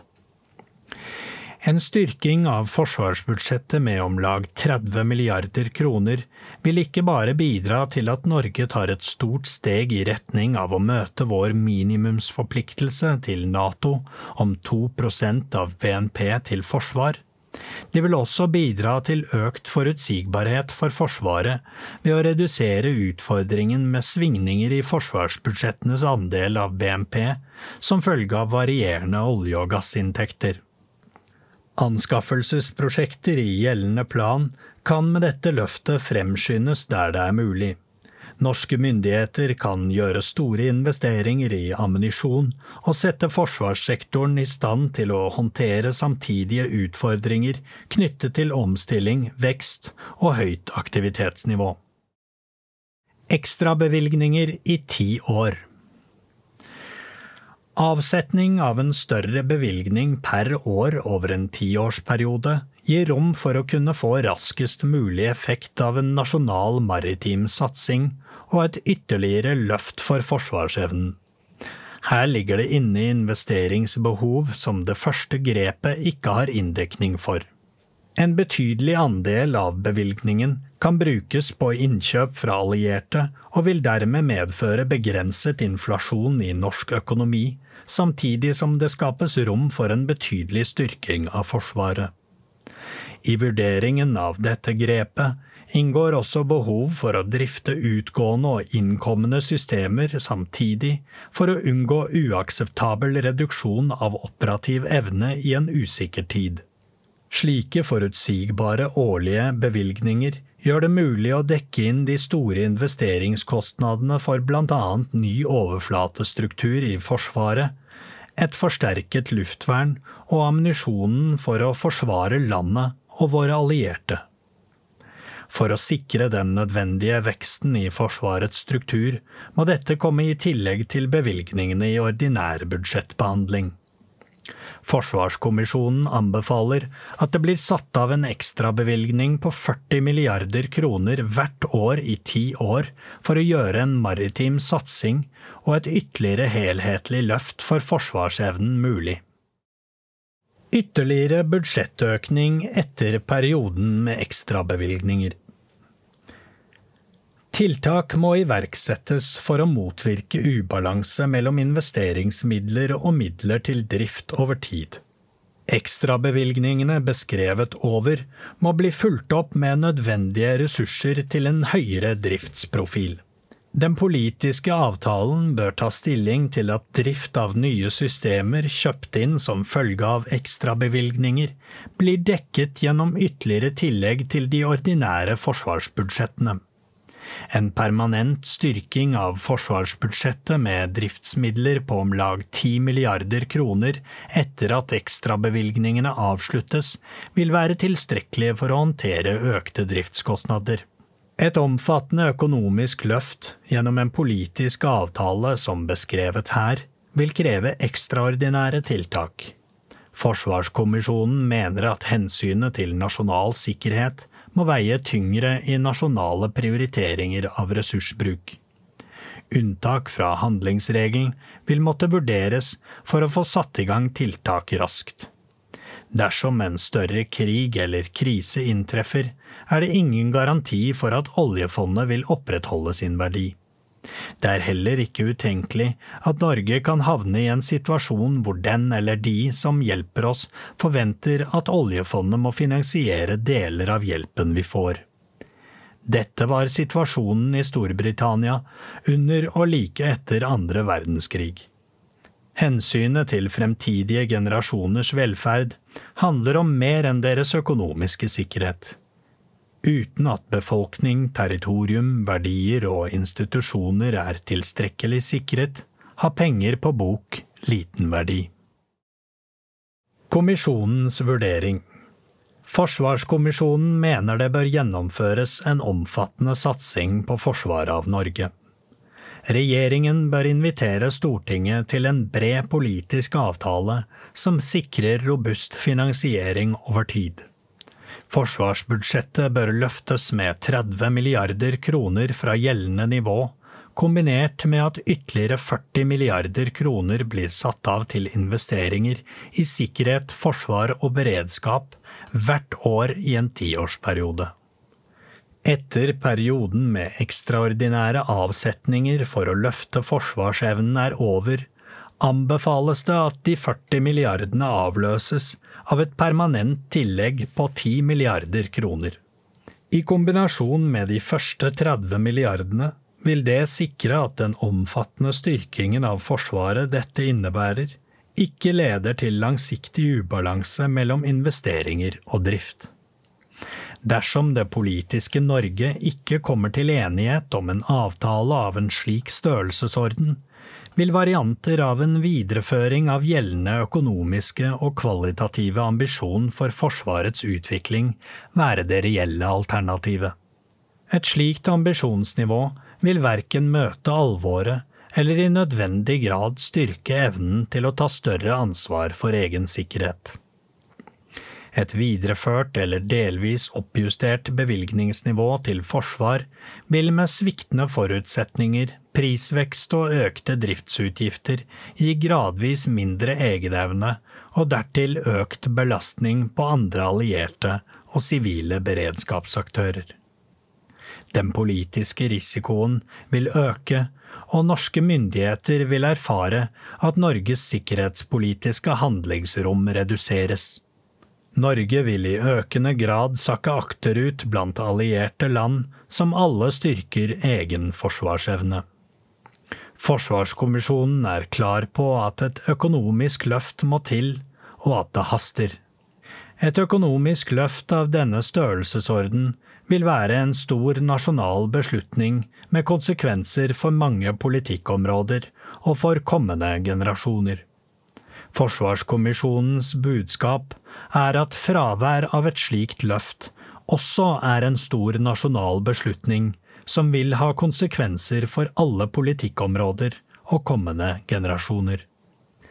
Det er kommisjonens klare forventning at regjering, storting og offentligheten tar denne vanskelige og viktige debatten. Dette er en podkastversjon av Forsvarskommisjonens rapport.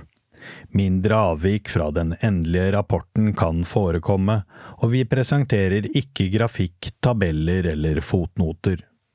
Hvis du vil ha den fulle opplevelsen, anbefaler vi deg å lese rapporten på regjeringens nettsider regjeringen.no. Da vil du også få med deg en rekke viktige grafer, figurer og illustrasjoner Forsvarskommisjonen har lagt mye arbeid i. Denne lydutgaven er ingen erstatning for den trykte rapporten, og det er kun den trykte rapporten som representerer Forsvarskommisjonens svar på regjeringens oppdrag. Denne podkasten er laget av Knut Storberget, Bård Nicolas Vik Steen, Kristine Hellesland, Fredrik Tamberg, Jørgen Lyngvær og Thomas Haraldsen.